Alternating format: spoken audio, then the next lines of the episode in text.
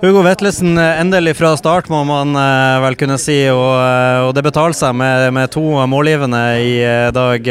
Først og fremst 2-0 mot Lillestrøm. Hvordan oppsummerer du det her snøkaoset i en fotballkamp? Før snøkaoset så er det veldig bra, egentlig. Og vi, vi har god intensitet og vi gjør, vi gjør det vi skal. Og vi er jævlig gode på gjenvinning. Og så blir det blir litt mer kaotisk, kan jeg si, at etter den lange pausen at vi ikke får den intensiteten og det fokuset.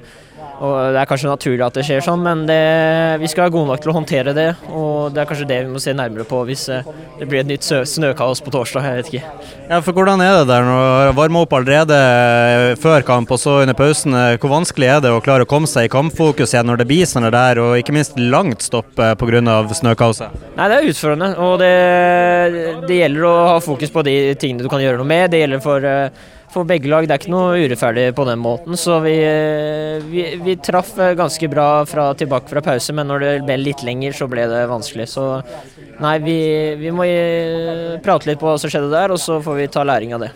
Apropos eh, snøkast, det ble en god del snøballkasting fra bortesupporterne. Hva dere tenker om det? Bare, bare sånn så tenner dere ekstra mer, eller unødvendig? Jeg, jeg fikk ikke med hva de ropte til Pelle, eller hva det var, men eh, ja de var dårlige til å kaste snøballer, det, det kan man si. Ja, du som er fra området der nede, det er ikke så mye snø der, så snøballkasting det kan man ikke si at, eh, at eh, søringene, som vi kaller det, er, er så veldig gode på. Ja, vi kan si at kanarifuglene kan øve litt på snøballkasting, det kan de.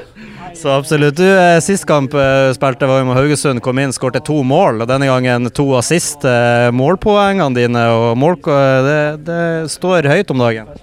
Ja, det, det, gjør det, og det kan si at det har løsna litt nå. og det, Jeg har vært ganske klar på at det er hardt arbeid. Det gir resultater i slutt å være tålmodig, og det, det, er der hele, hele altså fokuset har vært hele tiden. Så det, det, er gøy, rett og slett. Det er det. Takk for det, Hugo, og gratulerer med tre poeng. Tusen takk.